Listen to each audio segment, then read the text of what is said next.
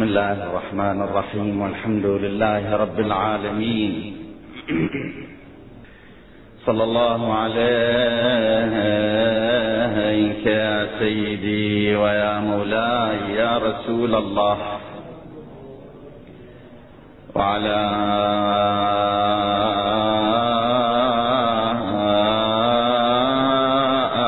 آل بيتك المظلومين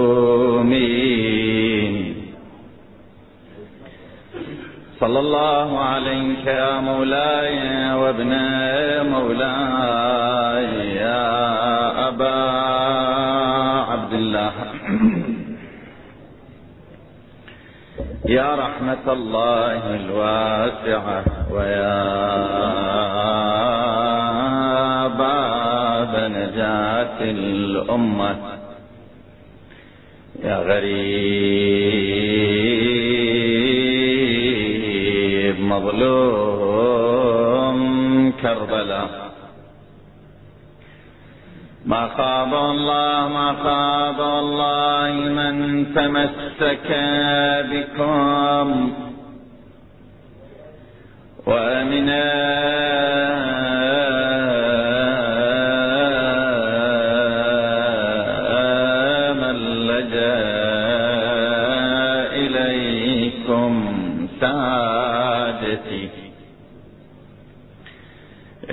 ليتنا يا ليتنا كنا معكم.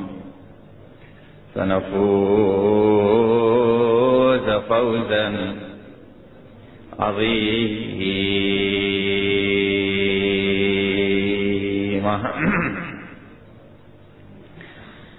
أنا ويوم الطاف أضرم في الحشا.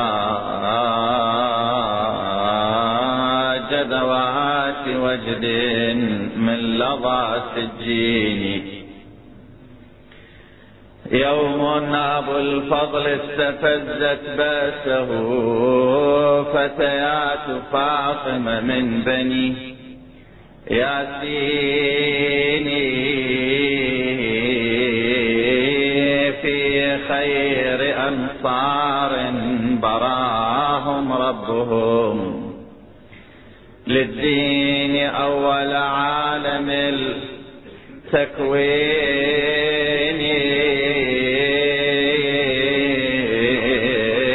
ودعته أسرار القضاء لشهادة.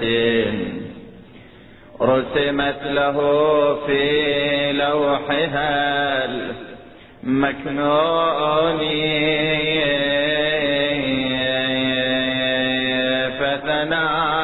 مكردسها نواكص وانثنى بنفوسها سلبا قرير عيوني.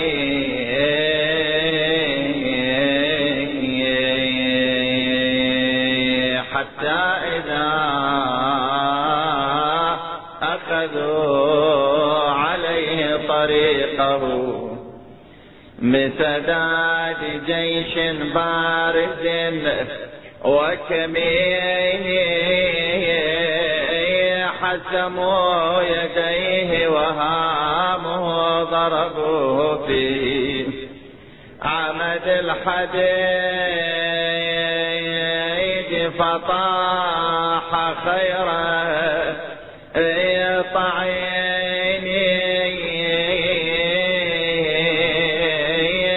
فمشى إليه السبط ينعاه كسر. يا أرسلان ظهري يا أخي عباسك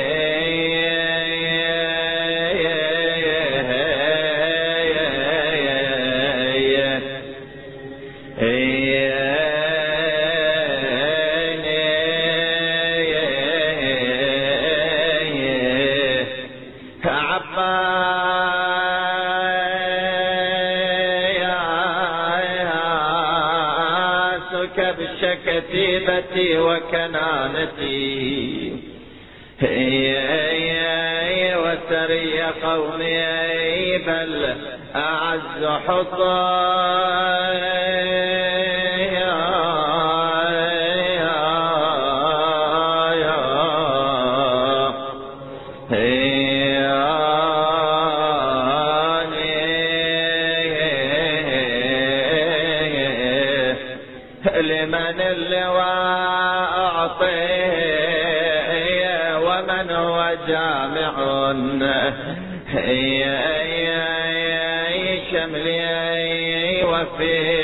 ظنك الزحام يقين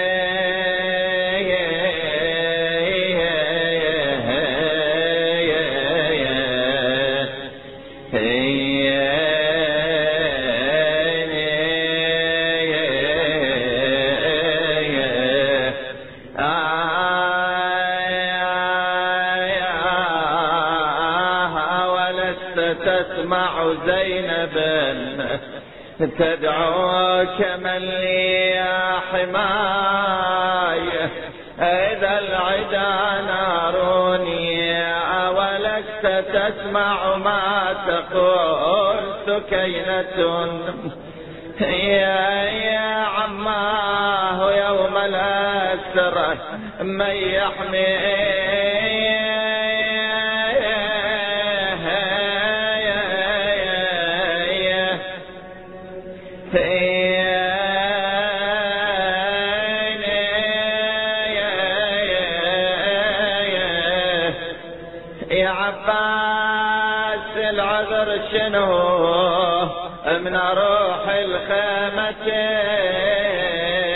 استيانس تجي يمي وتناشدني عم البطل وأنا هاقلها مقطع شفوفه وصابوا بالسهم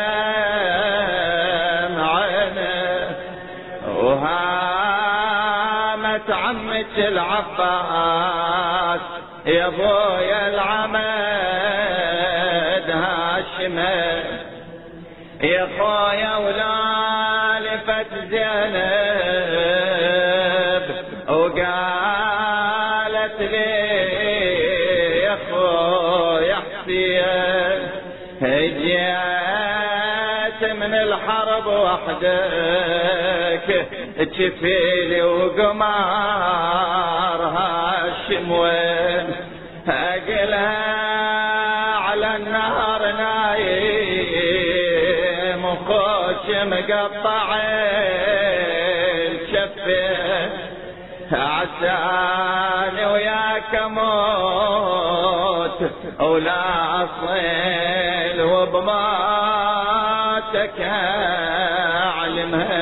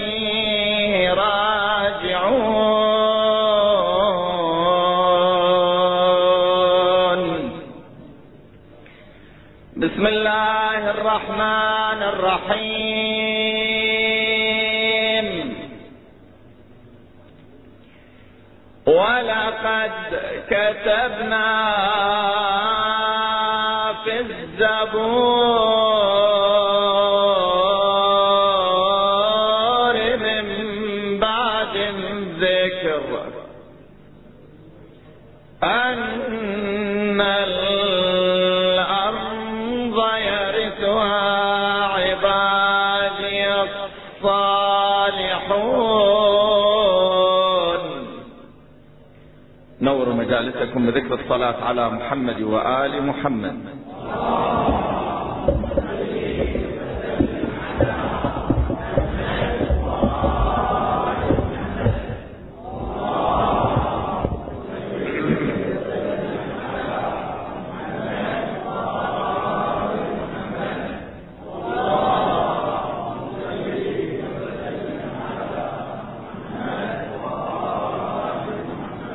الزبور في الآية الكريمة هو زبور داود والذكر هو توراة موسى على نبينا وآله وعليهم السلام. حيث أن توراة موسى كانت أولا ثم جاء زبور داود. الله تبارك وتعالى يبين في هذه الآية الكريمة أنه ما من حكومة باطلة ومستبدة لابد وأن تأتي من بعدها حكومة عادلة وحكومة حق. وهكذا كانت الحياة. لما يكون الاستبداد ويكون الظلم والخروج عن الحق تقوم أمة لكي تنزل أولئك من منصة الحكم وتحكم بين بين الناس. فإذا انحرفوا عن طريقهم. الإسلام. صلى الله عليه وآله وسلم وحكومة أمير المؤمنين. صلوات الله وسلامه عليه. هذه حكومات حق جاءت بعد حكومات باطل. ولقد كتبنا في الزبور. من بعد الذكر أن الأرض يرثها. عبادي الصالحين. فإيش كل هذه الحكومات وهذه الآية تشمل كل حكومة حق تقوم بعد حكومة باطلة مستبدة ظالمة. والله يتعهد بهذا الشيء لأنه كتب ذلك في التوراة وكتبه في الزبور وأقره في القرآن الكريم. الأمور اللي الله تبارك وتعالى يذمها في الأمم السابقة لما يذكرها في القرآن الكريم معناته أنها مذمومة. ولما يستحسنها معناته أنها مستحسنة. فكل أمة تسعى لكي تقضي على الظلم وعلى الظالم. الله تعهد لهم أنهم يورثهم الأرض. ولكن أظهر مصداق لهذه الآية الكريمة أظهر المصادق هي حكومة المهدي من آل محمد. صلى الله عليه وسلم.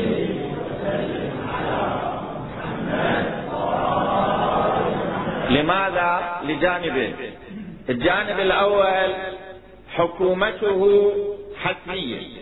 يقول صلى الله عليه وآله وسلم والذي بعثني بالحق نبيا لو لم يبقى من الدنيا إلا يوم واحد لأطال الله ذلك اليوم حتى يخرج فيه ولدي مهدي. هذا من جانب. الجانب اللي يعطي أن حكومة المهدي سلام الله عليه تكون هي المصداق البارز لهذه الآية الكريمة هو جانب. أولا حكومته تسع كل المعمورة كل الأرض. بينما هذه ما كان بالنسبة إلى الأنبياء السابقين ما كان بالنسبة لداود لسليمان ها؟ وغيرهم ما كان بينما حكومته فيملأها قسطا وعدلا بعدما ملئت ظلما وجورا فهذا العامل الأول أن يعطي الأظهرية لحكومة الإمام صلوات الله وسلامه عليه. العامل الثاني أن حكومة المهدي سلام الله عليه هي حكومة أبدية. يعني سائر الحكومات اللي كانت حكومات حق هذه ما بقت يعني فترة من الزمن وبعدين جاء الظالمون مثلا وأزالوه أو انحرفت عن مسيرها وعن طريقها وعن الهدف الذي قامت من أجله. بينما حكومة المهدي صلوات الله وسلامه عليه تبقى حق وتستمر حكومته إلى قيام الساعة. من هنا شوف العشرات من الروايات لما تجي إلى هذه الآية الكريمة ولقد كتبنا في الزبور من بعد الذكر أن الأرض يرثها عبادي الصالحون. يقولون هو المهدي وأصحابه. وإحنا دائما نقول التأويل ما يناقض التفسير. التأويل يبين لك أعلى المصادق وأظهر المصادق لتلك الآية. طيب هذه قضية واضحة. الكلام وين؟ الكلام هنا. الواحد لما يريد أن يطبق العدالة في مكان لابد أن تكون زمام الأمور بيده. في أي دولة من الدول لما يريد يطبق يملأ تلك الدولة قسطا وعدلا بعدما ملئ ظلما وجورا. لابد أن تكون زمام الأمور بيده. بيته إذا أراد أن يطبق العدالة فيه لابد أن تكون زمام الأمور بيده. إما إذا زمام الأمور مو بيده ولكن لا أمر لمن؟ لا يطاع ما يقدر في بيته يطبق العدالة فلا بد من زمام الأمور. زين الإمام ما يريد يطبق العدالة مثلا في دولة معينة من دول الخليج أو فقط في دول الخليج أو العالم العربي. يريد يطبق العدالة في كل العالم. وهذا شنو يعني؟ هذا يعني لابد أن تكون زمام الأمور لدول العالم بأجمعها بيده. هذه قضية. زمام الأمور لدول العالم بأجمعها بيده قضية مهمة زين هل من المعقول أن الحكومات مثلا تضع حكوماتها على طبق من فضة؟ ها أو ذهب وتزين هذه الحكومات بالورود وتقدمها مثلا إلى الإمام وتقول له تعال احكم علينا. هذا الشيء مستحيل. الحكومات تبذل كل غال ورقيق من أجل المنصب. يقول لو نازعتني لأخذت الذي فيه عيناه ابن ما ابن ما يعرفه الكرسي هو الذي يحكم عليه. هو كل شيء. اذا كيف؟ الإمام كيف يريد أنه يحكم العالم؟ قبل ما يطبق العدالة ذاك بحث آخر أنه كيف يطبق العدالة؟ ذاك بحث. ما أكثر الحكومات التي وصلت إلى منصة الحكم وما كان بإمكانها أن تطبق العدالة. الإمام كمرحلة أولى كيف يستلم؟ البعض اجى إجاب على هذا السؤال. ولكن إجاب منين مستعينا بروايات وضعتها أيدي بني أمية. بنو أمية حاولوا يعطوا صورة سلبية عن الإمام صلوات الله وسلامه عليه. فجعلوا العشرات من الروايات ضد الإمام المهدي صلوات الله وسلامه عليه. ولكن بشكل بشكل مدلس. هذول أخذوا هذه الروايات اعتمدوا عليها وساعدت على هذه الروايات بعض الروايات ظاهر بعض الروايات الصحيحة السند. يعني عندنا روايات مزورة اللي هذه ضد الإمام. أكو روايات صحيحة السند ظاهرها وليس نصها. ساعد على هذا المعنى؟ وأخذوا بهذا المعنى ومشوا. قالوا الإمام إذا خرج يخرج بالسيف. ها؟ يخرج بالسيف ويضع السيف في الرقاب. ويبدأ يقتل. ويقتل ويقتل ويجري الدماء. إلى أن تصل الدماء إلى الاركب ها؟ شوف يعني فرق قضيه من يطلع الإمام يأخذ بيت هذا يعطي لفلان. يأخذ زوجة هذا يطلقها. شوف الصفات. فيها دمار.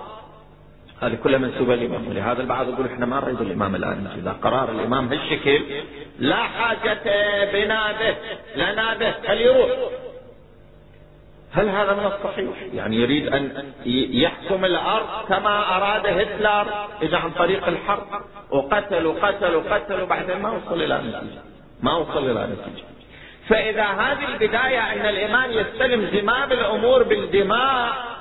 إذا كيف ستكون حكومته راح تصير حكومته الحكومة اللي جاء, جاء بها البعض في أفغانستان. ها؟ حكومة ذاك طالبان وما شابه الوهابية والسلفية قتل وإرهاب ودماء. هكذا حكومته لا أبدا. هذه الروايات واضحة لدينا أن من وراءها أيدي بني أمية وساعدت عليها ظواهر بعض الروايات. إذا كيف؟ القضية أبدا. شاءت إرادته أن يهيئ له الحكومة والاستولاء على العالم بلا دماء وأنا كلمتي أن ثورة الإمام صلوات الله وسلامه عليه هي ثورة بيضاء ولكن صوروها ثورة حمراء. ما هي ثورته حمراء؟ أبدا. أنا اليوم أعطيك ما هو مستنبط من الروايات ومن الأحاديث وفي ليلة من الليالي إذا سنحت الفرصة أنا أجيب نفس الأحاديث وأناقشها وأعارض بينها هناك سبل من خلالها الإمام صلوات الله وسلامه عليه. بإمكانه أن يستولي على زمام الأمور ويأخذها بيده بلا حرب ولا دماء. ما تقتل اللي يقتل في حكومة الإمام ناس معدودين بعدد الأصابع. ها؟ بعض المعاندين اللي يعاند يرى الحق ويخالف. هذا يقتل وإلا الكثير يستسلم لأن القوة تكون مع الإمام. الله تبارك وتعالى يكون هيئ الأمور إلى الإمام أن يستولي على زمام الأمور بلا حق. اولا إيمان الأمم والمجتمعات. يعني كيف شوي دقق معي الحكومة يعني شنو الحكومة؟ الحكومة مجموعة من الناس. هذول يديرون أمور البلاد والعباد. هذول قوتهم منين؟ يؤمر وينهى قوة من الجيش اللي موجود في البلد. الجيش والشرطة والمباحث والأمن وكل من بيده سلاح. ومهما كان عند قوة من الجيش أكبر ومهما كانت الحكومة عندها سلاح أقوى تكون تلك الحكومة أقدر وأبقى. ولهذا الحكومات اليوم تتسابق سباق التسلح عندنا الشعوب ميتة من الجوع ويأخذون هالأموال يشترون بها سلاح. وشنو من سلاح؟ سلاح اللي الغرب وصل إلى سلاح أحدث منه وهذا السلاح صار لا شيء. ها؟ اللي لما يحاربوهم هو لا شيء. هالأموال تروح هالشكل إلى السلاح حتى تعطي قوة لنفسها. وبعدين في اليوم الغير يلعب لعبة أخرى يجي إلى الدول اللي عندها أموال يجيها من طريق السوق السوداء صح التعبير بطرق غير قانونية ويعطيهم يبيع لهم السلاح النووي ها؟ حتى يحاولوا يصنعوا السلاح النووي. يعطيهم إياه بأسعار مضاعفة. لما يوصل ها قريب أن يريد يوصل إلى النتيجة يطلع له بقرار نزع أسلحة الدمار الشامل. هم أخذ أمواله وهم بهالطريقة صار سبب أن يقتل البلدان وهاي اللعبة دا يطبقوها على كثير من دول العالم الإسلامي. بذلك يستنزف أموالهم وبذلك يتسبب لدخول بلدانهم. هذا واضح اليوم دا نشوف الأخبار. تصيح بهذا فالحكومة قوتها من قوة الجيش وقوة السلاح. ولهذا ترى الحكومات تخاف من جيوشها أكثر من جيوش العدو. ليش؟ لأن جيش العدو الضربة بجيش ولكن إذا الجيش قام ضد الحكومة بمن تضربه؟ ها؟ تضربه بالشعب بالأمة بالمجتمع. إذا المجتمع وافق الجيش إذا خلص ينقضي عليه. ولهذا لا تعجب إذا بعض الحكام يروح يستورد يستورد جون من دول أخرى ويضعهم في بلده ويخلي مجتمع هالشكل شعبه لا يستقوي بهم ولا يدخلهم إلى الجيش. لأنه يخاف منهم. واضح. الحاكم إذا مشى بالديمقراطية مع أمته عليه أن لا يخاف من شعبه بل الشعب بأجمعه يحبه. نعم. إذا ظلم لابد أن يخاف. البايع خايف. فمن هنا القوة تكون هي بيد الجيش. القوة قوة السلاح. الحكومات قوتها من جيشها ومن سلاحها. زين. نحن من الثالث عندنا أن عيسى ابن مريم لم يمت بل رفعه الله تبارك وتعالى إلى السماء الرابعة عند البيت المعمور وقولهم إنا قتلنا المسيح عيسى ابن مريم رسول الله وما قتلوه وما طلبوه ولكن شبه لهم. وإن الذين اختلفوا فيه لفي شك منه. ما لهم به من علم إلا اتباع الظن وما قتلوه يقينا.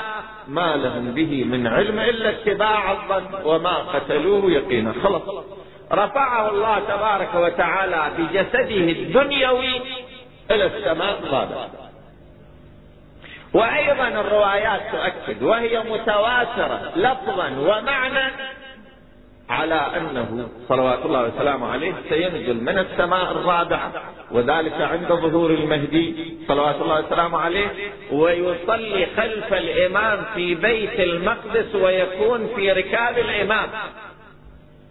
زين ليش؟ خلينا شوي ندقق لماذا عيسى أخذه الله تبارك وتعالى دون سائر الأنبياء؟ أخذه إلى السماء الرابعه ولماذا يرجع وهذا الرجوع يكون في ركب الإمام المهدي عند ظهور الإمام وفي ركب الإمام؟ القضية واضحة.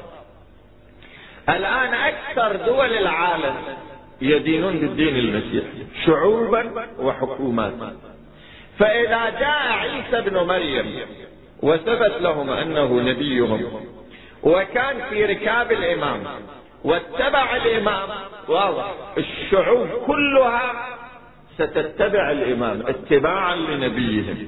شو يدقق معك؟ فإذا الشعوب اتبعت الإمام وأيدت الإمام هاي الشعوب المسيحية الجيش منين متكون متكون من تلك الشعوب. ومن تلك المجتمعات. اوتوماتيكيا الجيش أيضا سيتبع. إذا اتبع الجيش أيضا الإمام تبقى الحكومة. إما أن تستسلم لهذا الأمر الواقع أو تعاد. ولكن لا أمر لمن؟ لا يقع قوتهم الجيش والسلاح كلهم صاروا صوب الإمام. هذول إما يستسلمون وإما إذا عاندوا هذول قلائل يقتلون مو أو يسجنون. بالنتيجة يزالون من على الحكم ومن على المنصب خلاص. وإذا العالم المسيحي يدخل إلى الإسلام بلا قتال. التفت إلى الحال اليهود اللي هم الآن من وراء كل المؤامرات في العالم الإسلامي. ها؟ البعض يكتب يقول أن إسرائيل هي البنت المدللة لأمريكا. أنا أتصور هذا التعبير خاطئ. بل أمريكا هو هي الولد البار لإسرائيل. كما أن بريطانيا أيضا الولد البار لإسرائيل. وليس العكس صحيح. هؤلاء كل المخطط العالمي من وراء إسرائيل. التفت الحال؟ عندنا في الرواية إنما سمي المهدي لأنه يهدى إلى أسفار من التوراة فيستخرجها من جبال الشام. فيدعو إليها اليهود فيسلم على تلك الكتب نحو من ثلاثين ألف. اليوم يأتي المحققون يقولون هؤلاء من علمائهم وهؤلاء أول طائفة يدخلون إلى الإسلام. لما ثلاثين ألف من علمائهم يدخلون إلى الإسلام فماذا يكون الباقي؟ ولهذا بعض العلماء يرى أن اليهود هم أول الطوائف إسلاما ودخولا في الإسلام بلا حرب خلاص.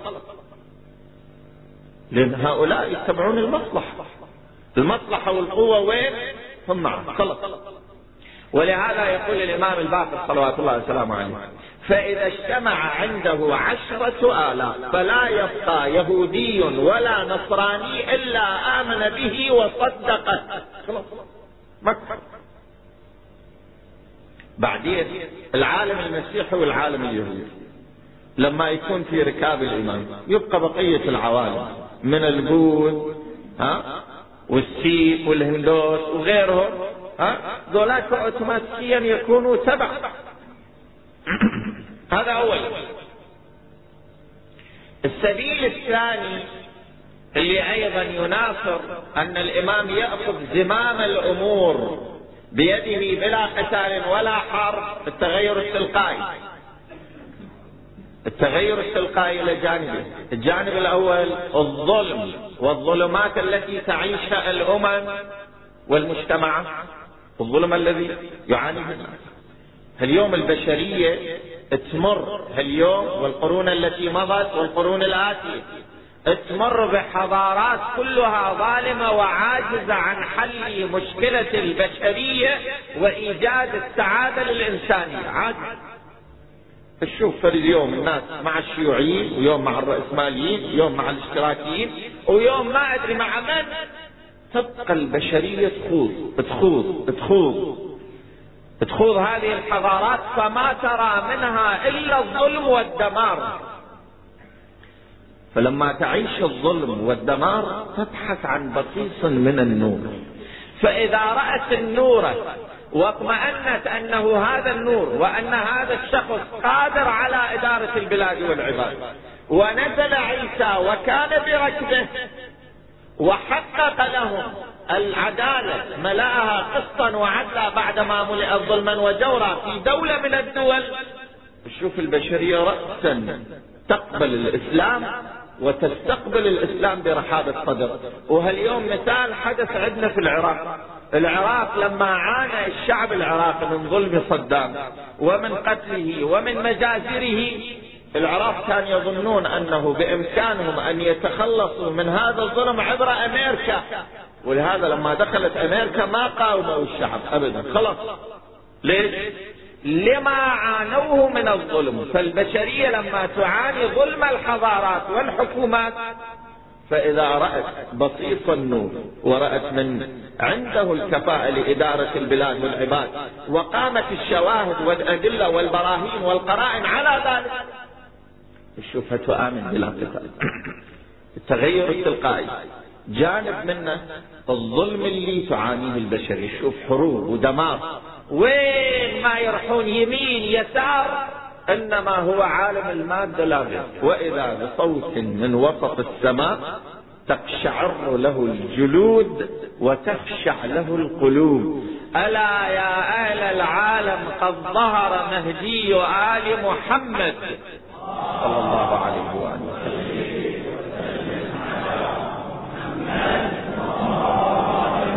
فاسمعوا له واطيعوا ولا تخالفوا أو ولا تتخلفوا عنه فتذلوا.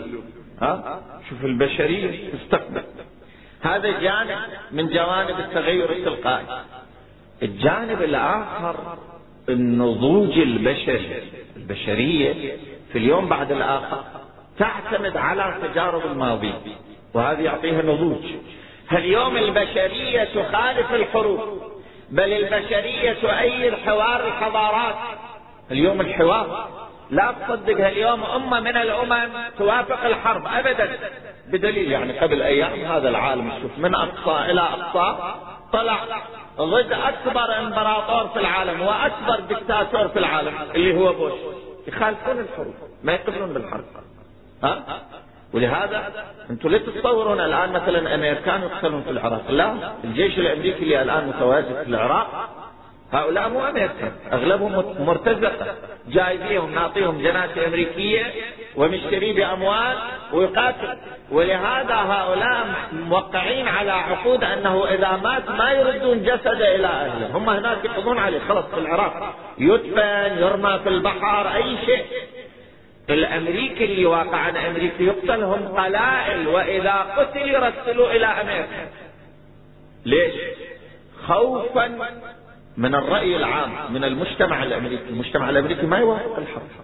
في حين أنه استولى على خيرات العراق وعلى نفط العراق وكلها صار يرسلها إلى أمريكا مع ذلك تشوف المظاهرات ضده. اليوم الأمم لا تؤيد الحروب ولا تقبل بالحروب. من هنا يصير التغير التلقائي. فإذا رأوا أن هناك من يتمكن أن يدير البلاد والعباد ويأخذ زمام الأمور بلا حرب بلا حرب دخلوا تحت مظلته وكانوا معه. ولهذا تبقى الحكومات هكذا. عناصر مو أكثر هذا السبيل الثاني. ولقد كتبنا في الزبور من بعد الذكر أن الأرض يرثها عبادي الصالحين السبيل الثالث سلاح الجبار. من المحتمل الكبير أن الإمام صلوات الله وسلامه عليه يخرج بسلاح أقوى من السلاح النووي بأضعاف لعلك تستعجب الإنسان مع علم القليل وما أوتيتم من العلم إلا قليلا. اليوم شوف هذا السلاح سلاح دمار الشامل. سلاح الدمار الشامل من صنعه يعني هم هؤلاء نفس هؤلاء اللي الآن يدخلون بلادنا ويستعمرون بلادنا هم الذين صنعوا وهم الذين جعلوه بيد صدام وأمثال صدام. زين مع هذا العلم القليل تمكن الإنسان. عندنا في الروايات أن العلم عبارة عن سبعة وعشرين جزء والذي بأيدي الناس هو عبارة عن جزئين. فإذا ظهر المهدي صلوات الله وسلامه عليه جاء بالخمسة والعشرين جزء الأخرى فيمرر بيده على رؤوس الناس فتكمل بذلك عقوله.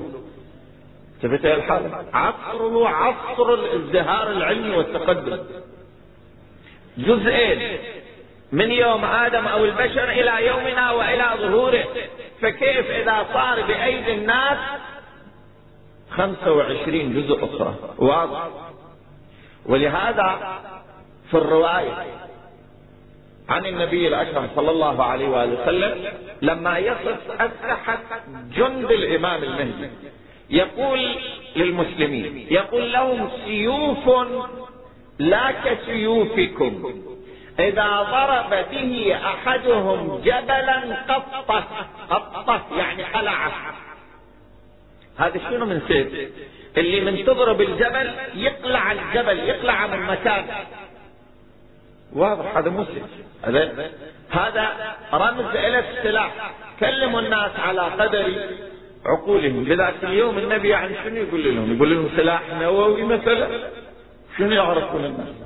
النبي الأكرم صلى الله عليه وآله وسلم يقول أهين الشارب وأكرم اللحى. ليش يا رسول الله أهين الشارب؟ يعني خفف الشارب يقول لكي لا يكون وترا للشياطين. وكرا للشياطين؟ الشيطان كله مؤذي. يقال له الشيطان. ابنك بالبيت من يأذي تقول له اقعد لا تصير الميكروب مؤذي للإنسان. النبي الأكرم يعبر عنه بالشيطان لكي لا يكون وكرا للشياطين. طب ما يقدر يقول لهم ميكروب؟ الناس ما يفهموا معنى ميكروب. التفت إلى الحالة ولهذا الحديث واضح. يقول لهم سيوف لا كسيوفكم. مو مثل هذا السيف اللي يتمسك به لا. صفة هذا السيف إذا ضرب به أحدهم جبلا قطه قلعه.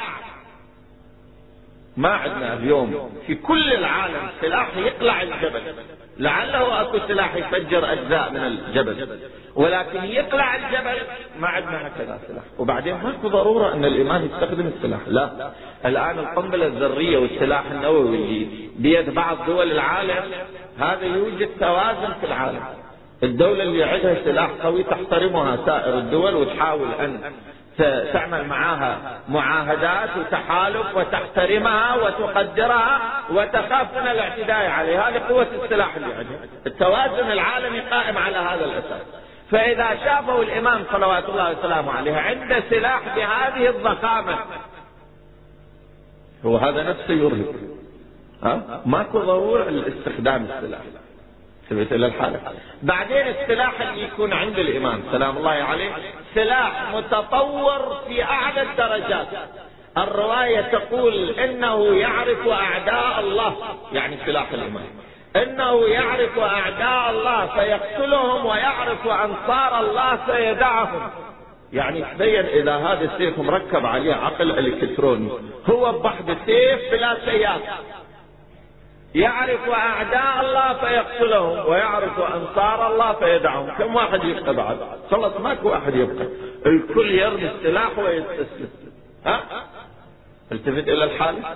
شوف طريقة أخذ الإمام صلوات الله وسلامه عليه لزمام الأمور بيده. التفت إلى هذا السبيل الثالث. السبيل الرابع والأخير هو سبيل الغيب. الإمام ذكرنا لكم. ذلك الكتاب لا ريب فيه هدى للمتقين الذين يؤمنون بالغيب. الإمام من الثابت أنه الغيب. والله تبارك وتعالى يجعل الغيب بين يديه. فإذا قرر أن الغيب يكون بين يدي الإمام وقرر أن المعاجز تساند الإمام كيف راح يصير الوضع؟ المعجزة تكون مع الإمام والغيب مع الإمام. يعني الله تبارك وتعالى يسخر له الريح كما سخرها لسليمان والريح إذا سخرت تفعل فعلها. طائرات ترتطم مع بعضها. الإعجاز يكون على أن كل ما هنالك من سلاح توصل إليه الإنسان مثلا ما يعمل طائرات ما تقلع من مكانها دبابات ما تعمل خلص هذا مو إعجاز؟ تقف عن العمل. هكذا قدرته. مو اليوم يقولون أن هنالك بعض القنابل يرمونها توقف الكهرباء والماء وما أدري كذا إلى آخرها. قدرة الله تبارك وتعالى فوق ذلك. يستخدم سلاح كل هذا السلاح يتوقف عن العمل. شنو المانع؟ الغيب. بعدين من سبل الغيب أيها الأحبة هو الخوف والرعب. الخوف والرعب اليوم يلعب دوره. دائما وابدا الحروب قائمة على أساس الخوف والرعب. سلاح الخوف هو سلاح. حتى سابقا في المبارزة من يطلع بطل مع بطل آخر. يدون يتبارزان يقوم واحد فيهم يقتل له إنسان ضعيف يشوفه ضعيف لا حول له ولا قوة يقتل قتلة فجيعة أمام ذاك البطل. ليش؟ حتى بهالقتلة الفجيعة يدخل الخوف والرعب في قلب ذاك الشجاع. فإذا دخل الخوف والرعب في قلبه تمكن منه. وهذا حتى على مستوى دول يعني. يستخدمه. إلى الآن. شوف هذه الحرب الأخيرة اللي صارت في العراق. شايفين هذا صاحب العلوج ماذا يقول؟ يطلع يقول قواتنا كذا قواتنا كذا. رحنا واجهنا وضربنا وقصفنا ساعات دقائق نقضي على أمريكا. هالشكل كل الدول تستخدمه. في حرب تحرير الكويت. كلكم شاهدتم هذه القضية. أكثر من ثلاثين دولة أمريكا عبأتها لضرب العراق. ليش؟ العراق خارج من حرب مع إيران ثمان سنوات. جيش متعب سلاح متعب لا حول له ولا قوة. أمريكا تعتبر نفسها دولة عظمى. مو بإمكانها على العراق. إذا لماذا جمعت الجموع لعاملين العامل الأول أرادت أن تشرك أرادت أن تشرك سائر الدول بدم العراق. باشر عقبة لا تطلع دولة تصيح منظمة حقوق الإنسان ها؟ ويدافعون عن العراق ويقولون ويحكون. لا. كلهم تشركهم في دم العراق حتى بعدين ماكو واحد يدافع. التفت الحال العامل الثاني هو إيه عامل؟ عامل الخوف والإرهاب. يعني هذا الجند العراقي لما هو موجود ويشوف انه هاي القوى العالم كلها جاءت لضرب العراق. وهم ثمان سنوات وكل العالم كان يساند العراق ما تمكنوا من الحرب مع إيران. الآن مثلا هم لوحدهم وليس هناك من يساندهم ويحاربون كل العالم. هو هذا خوف ورعب بعدين 45 يوم الطائرات الأمريكية تضرب العراق تقصف مدن العراق والجيش نائم على أرض الكويت ما يدري. ابوه مات أمة توفت بيت انهدم ما يدري. شوف هذا 45 يوم. ولهذا أول ما تبدأ الحرب ما يبقى ولا جندي عراقي كلهم يفرون. سلاح الخوف تعتمده الحكومات النبي الأكرم يعني الحبيب المصطفى محمد صلى الله عليه وآله وسلم يقول نصرت بالرعب مسيرة شهر. نصرت بالرعب مسيرة شهر. النبي الأكرم قبل أن يروح إلى قوم يدخل الرعب ويتغلغل الرعب في قلوبهم وفي وفي نفوسهم. ولهذا وقذف في قلوبهم الرعب. فريقا تقتلون وتأسرون فريقا الرعب. النبي الأكرم صلى الله عليه وآله وسلم في طيلة عشر سنوات حارب حروبا وغزوات وفتوحات وسرايا كانت ما بين 81 أو 82 أو 83 كل هذه الفتوح والغزوات والسرايا كم كان عدد القتلى؟ من الطرفين مو فقط من المسلمين من الطرف كم؟ أعلى رقم تاريخي يذكر العلامة المجلس رحمه الله في البحار 1557 قتيل من المسلمين ومن المشركين. راجعوا التاريخ هذا أمر تواريخ أبناء العامة خذ ذاكر أقل من هذا البعض ذاكرين 900 وشيء البعض ذاكرين 1000 وشيء. أعلى رقم 1557 قتيل من الطرفين من المسلمين ومن المشركين في كل هذه الحروب. ليش؟ من جانب العقلية العسكرية اللي كان يحملها النبي الأكرم صلى الله عليه وآله وسلم فكان في فترة بسيطة يقضي على الحرب. وينتهي منها؟ بانتصار ومن جانب آخر السلاح كان سلاح أولي. ومن جانب أهم من كل هذا هو قضية الرعب. الرعب اللي كان يدخل إلى النفوس. فما كان يبقيهم. خلاص. رأسا يستسلم الإمام المهدي صلوات الله وسلامه عليه. واحد من الأسلحة التي من خلالها يستلم زمام أمور العالم ويتمكن من العالم هو سلاح الرعب. ولهذا في الرواية المهدي منا طبعا الرواية تذكر اللفظ الذي يستلزم القيام. المهدي منا منصور بالرعب مؤيد بالنصر وفي رواية أخرى إذا خرج المهدي والرعب يسير بين يديه. والرعب يسير مسيرة شهر من أمامه ومن خلفه وعن يمينه وعن شماله والملائكة المقربون حذاه يعني إلى جانبه. التفت إلى الحال نصرة كاملة على العالم وليس هناك دماء أبدا. يبيد الكفر ويبيد المرد ويقضي على الشرك. ولكن لم يكن هناك دماء وأنا الأدلة للطرفين إن شاء الله أيضا أعرضها. إضافة إلى هذه الأدلة اللي ذكرتها. ولقد كتبنا في الزبور من بعد الذكر أن الأرض يرثها عبادي صالحون.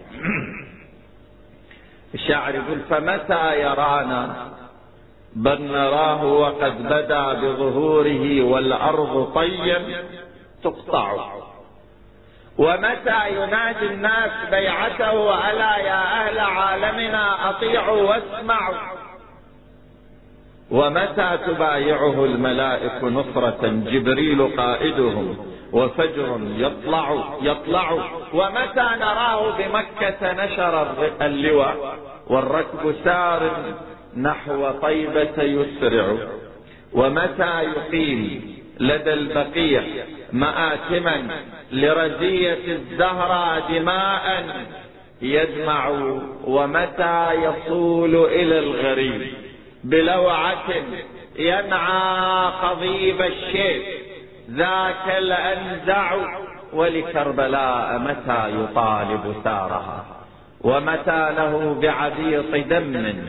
تفزع ومتى لمرقده الشريف دخوله والطفل يخرجه بسهم يرضع فينادي يا للناس ماذا جرمه؟ لنداه أملاك السماء؟ تتفجع. قضية الحسين أيها الأحبة قضية تركت أثرا في نفوس أهل البيت. ولهذا يا جدار ها؟ لأندبنك صباحا ومساء ولأبكين عليك بدل الدموع. دما الإمام يقول أنا أبكي دم هذا إقرار لخروج الدم. ولا أبكين عليك بدل الدموع دما. الإمام الحجة صلوات الله وسلامه عليه يشير إلى هذه الحقيقة. مكانة الحسين صلوات الله وسلامه عليه. شمر ابن الجوشن يسألوه يسأل عبيد الله بن زياد يقول له أما رق قلبك على الحسين؟ قال بلى رق قلبي على الحسين. قال له وين؟ قال في, مو... في موطنين. وين؟ قال أحد الموطنين لما سقط أبو الفضل العباس. سلام الله عليه. سقط على الأرض وجاء الحسين عند أخيه أبي الفضل العباس. بعدين رجع يقول لما رجع إحنا نعاين نشوف الحسين رجع منحني الظهر وحيدا فريدا يمشي لوحده إلى القيام. يقول أنا قلت هذا الحسين مع قولتي ومع جولتي ها؟ الشبان بنو هاشم من حوله والأصحاب. الآن وحيد فريد ذهب إلى اليتامى إلى الأطفال. يقول رق قلبي على الحسين. ها؟ ولهذا أبو الفضل العباس كلما كان يريد أن يخرج الحسين ما كان يأذن له لأن هو حامل اللواء. إذا راح أبو الفضل العباس ما يبقى ولهذا كلما يأتي لك سيدي ومولاي نور عيني أبا عبد الله. ما كان ينادي الحسين بلفظ الأخوة أبدا. كانت أمه أم البنين سلام الله عليها. علمته وعلمت أبنائها أن لا ينادوا أبناء فاطمة بلفظ الأخوة. دائما يقول سيدي ومولاي ولا يتقدم بين يديه. يقولوا له ليش ما تنادي بلفظ الأخوة؟ يقول كيف؟ وأنا أمي أم البنين وأمه فاطمة الزهراء فأين أمي؟ من أمه فأساوي نفسي به. ولهذا ما ينادي بلفظ الأخوة. وهاي كانت طبعا حسرة في قلب الحسين أنه يسمع من أخيه أبي الفضل العباس يناديه أخي يا حسين. أبو الفضل العباس يمر على خيمة العقيلة زينب والأطفال واليتامى اجتمعوا فيها وكلهم يقولون عم زينب العطش العطش. تأثر. جاء إلى الحسين. أخي أبا عبد الله نور عيني أبا عبد الله.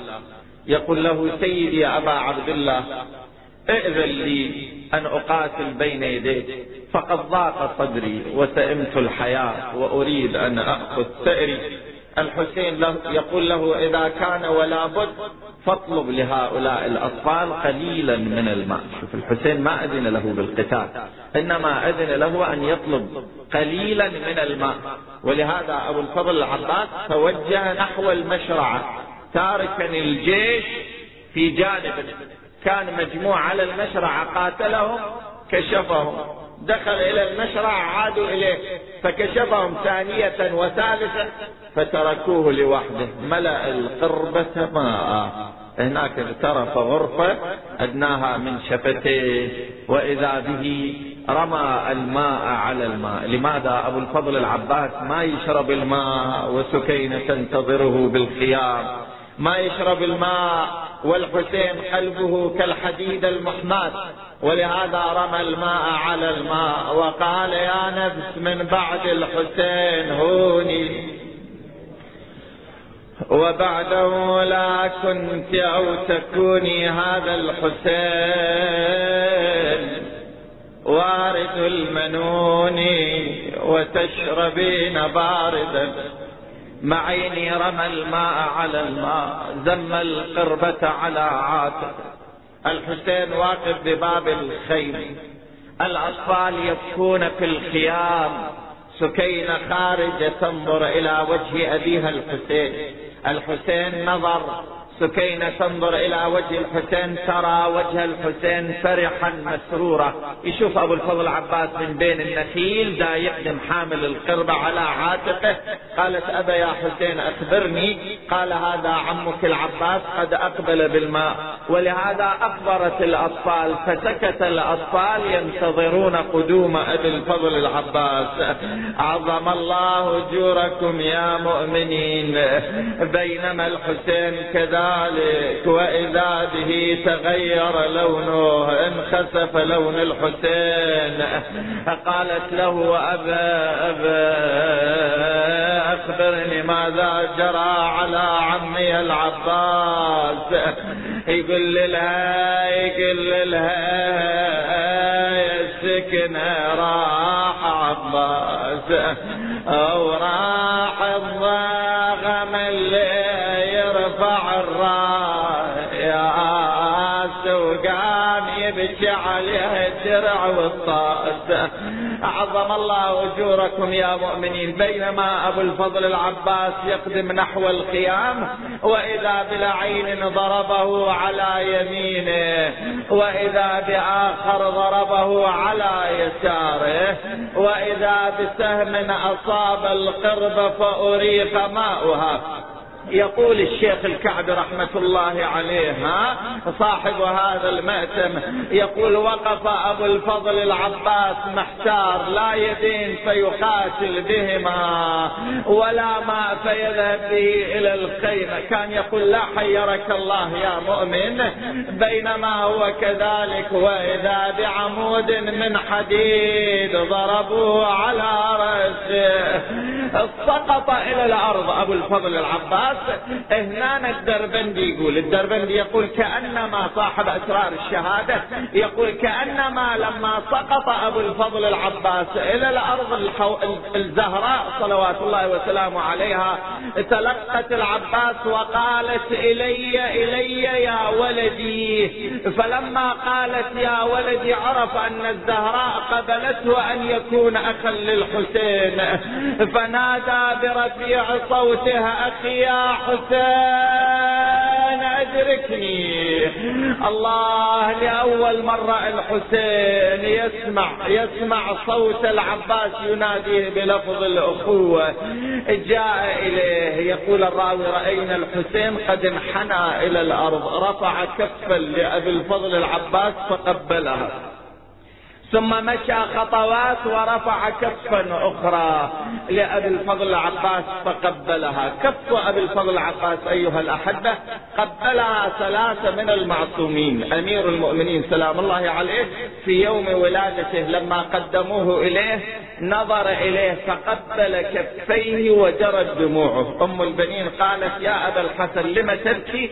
قال لما يجري على هذين الكفين في نصرة الحسين. بعد الحسين هنا قبل كفي أبي الفضل العباس الإمام زين العابدين لما أراد أن يدفن الأجساد أيضا أخذ الكفين فقبلهما ودفنهما هنا الحسين سلام الله عليه جلس إلى جانب أبي الفضل العباس اخذ رأسه وضعه في حجره كان السهم قد أصاب عينه.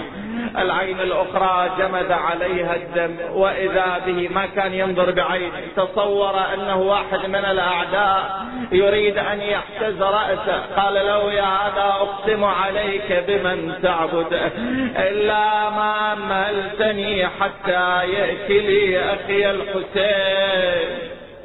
قال وما تصنع بأخيك الحسين قال حتى ودعه ويودعني ويشمه ويشمني. قال أخي أنا أخوك الآن انكسر ظهري وقلت حيلتي وشمت بي عدوي قال له يا أخويا أبو الفضل الشاوين الاسفوف قال له يا اخويا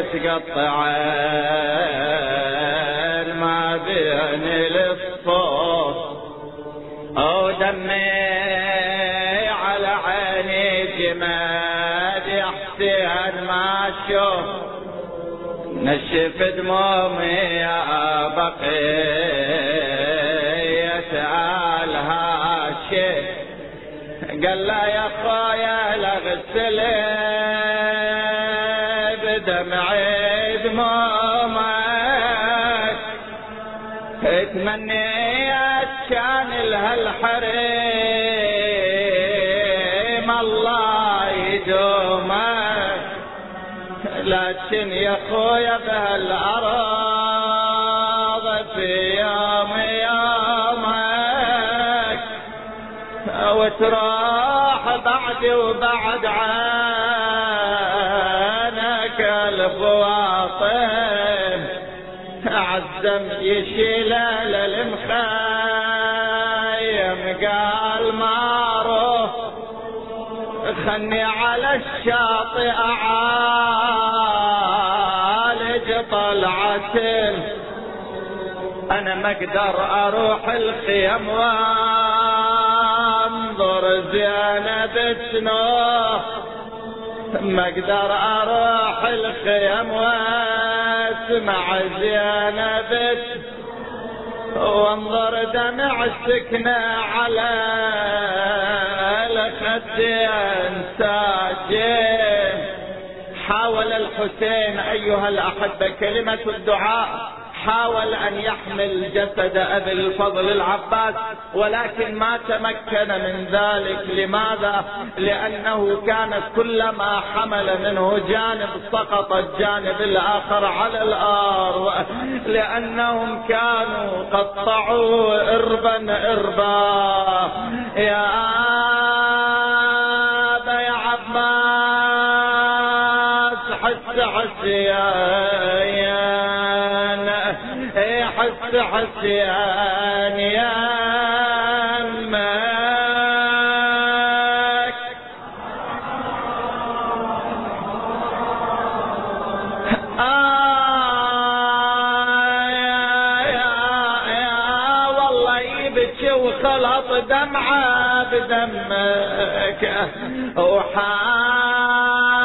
وحاير يا أبو فاضل يا أبو فاضل بجسمك. إيه إيه. آه يا يا والسكنة تسلي الطفل. باسمك تقول له ساعة ويجيب الماء يا عمك يا يا تقول له ساعة ويجيب الماء.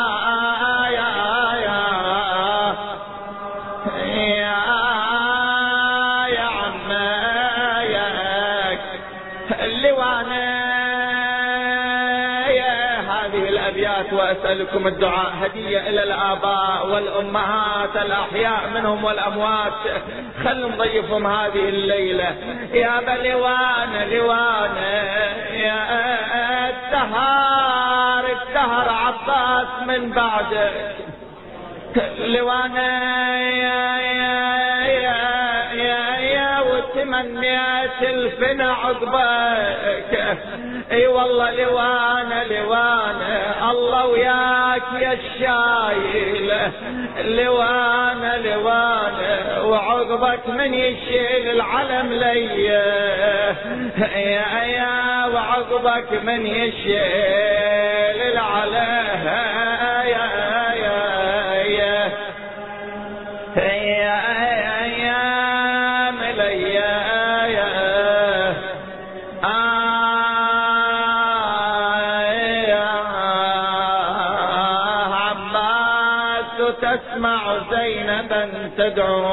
تدعوك من لي.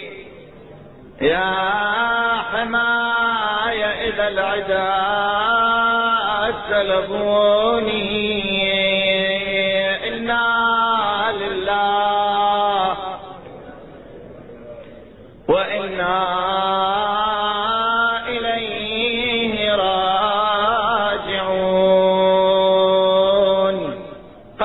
أيها الأحبة لا حياء في الدين. بالنسبة إلى الغسل الغسل بأجمعه سواء كان غسل الجنابة غسل الجمعة أو أغسال الإمرأة أو أي غسل الكيفية واحدة لا تختلف إنما النية هي التي تختلف فقط. طريقته سهلة. الواحد إذا عجبه أنه يروح يتسبح مثلا يغسل نفسه بالصابون بالشامبو ماكو مانع.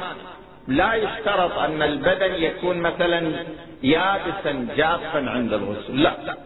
يغسل المناطق النجسة من بدنه بعدين الآن ينوي الغسل. الغسل يغسل أول الرأس والرقبة ثم الجانب الأيمن بأجمعه.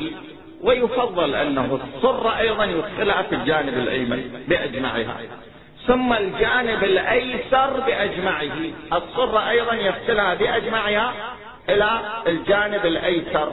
هذا كل الغسل وبس الرأس والرقبة ثم الجانب الأيمن بأجمعه ثم الجانب الأيسر بأجمعه. هاي الطريقة متفق عليها لدى الفقهاء ولا خلاف فيها. وإن كان البعض عنده رأي يقول أول مرة يغسل الرأس والرقبة ثم البدن بأجمعه. ما يحتاج بعد جانب أيمن وجانب أيسر.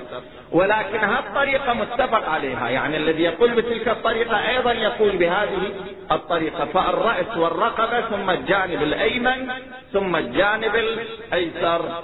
لقضاء الحوائج وشفاء المرضى. أعوذ بالله من الشيطان الرجيم. بسم الله الرحمن الرحيم. أما يجيب المضطر إذا دعاه ويكشف السوء. ارفع صوتك بارك الله فيك. الجميع البر أيضا. أما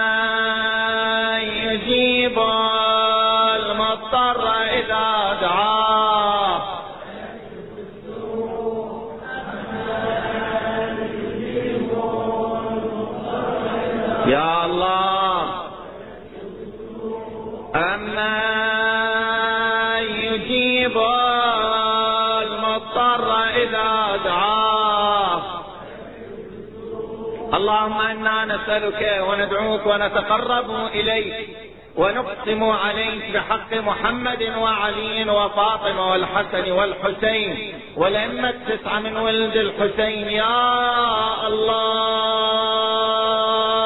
يا الله يا الله يا الله يا الله يا الله يا الله يا الله.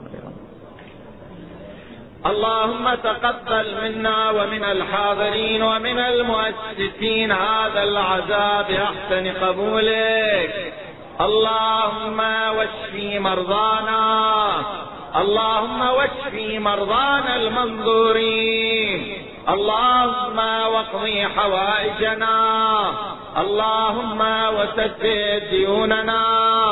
اللهم وارض عنا إمام زماننا. اللهم وارض عنا آباءنا وأمهاتنا. اللهم وارحم آباءنا وأمهاتنا. اللهم وارزقنا الإخلاص في أعمالنا. اللهم واجعل عواقب أمورنا خيرا. وابعث اللهم إلى أرواح المؤمنين والمؤمنات. لا سيما من مضى من هذا الجمع. نهدي للجميع ثواب سورة الفاتحة مع الصلوات.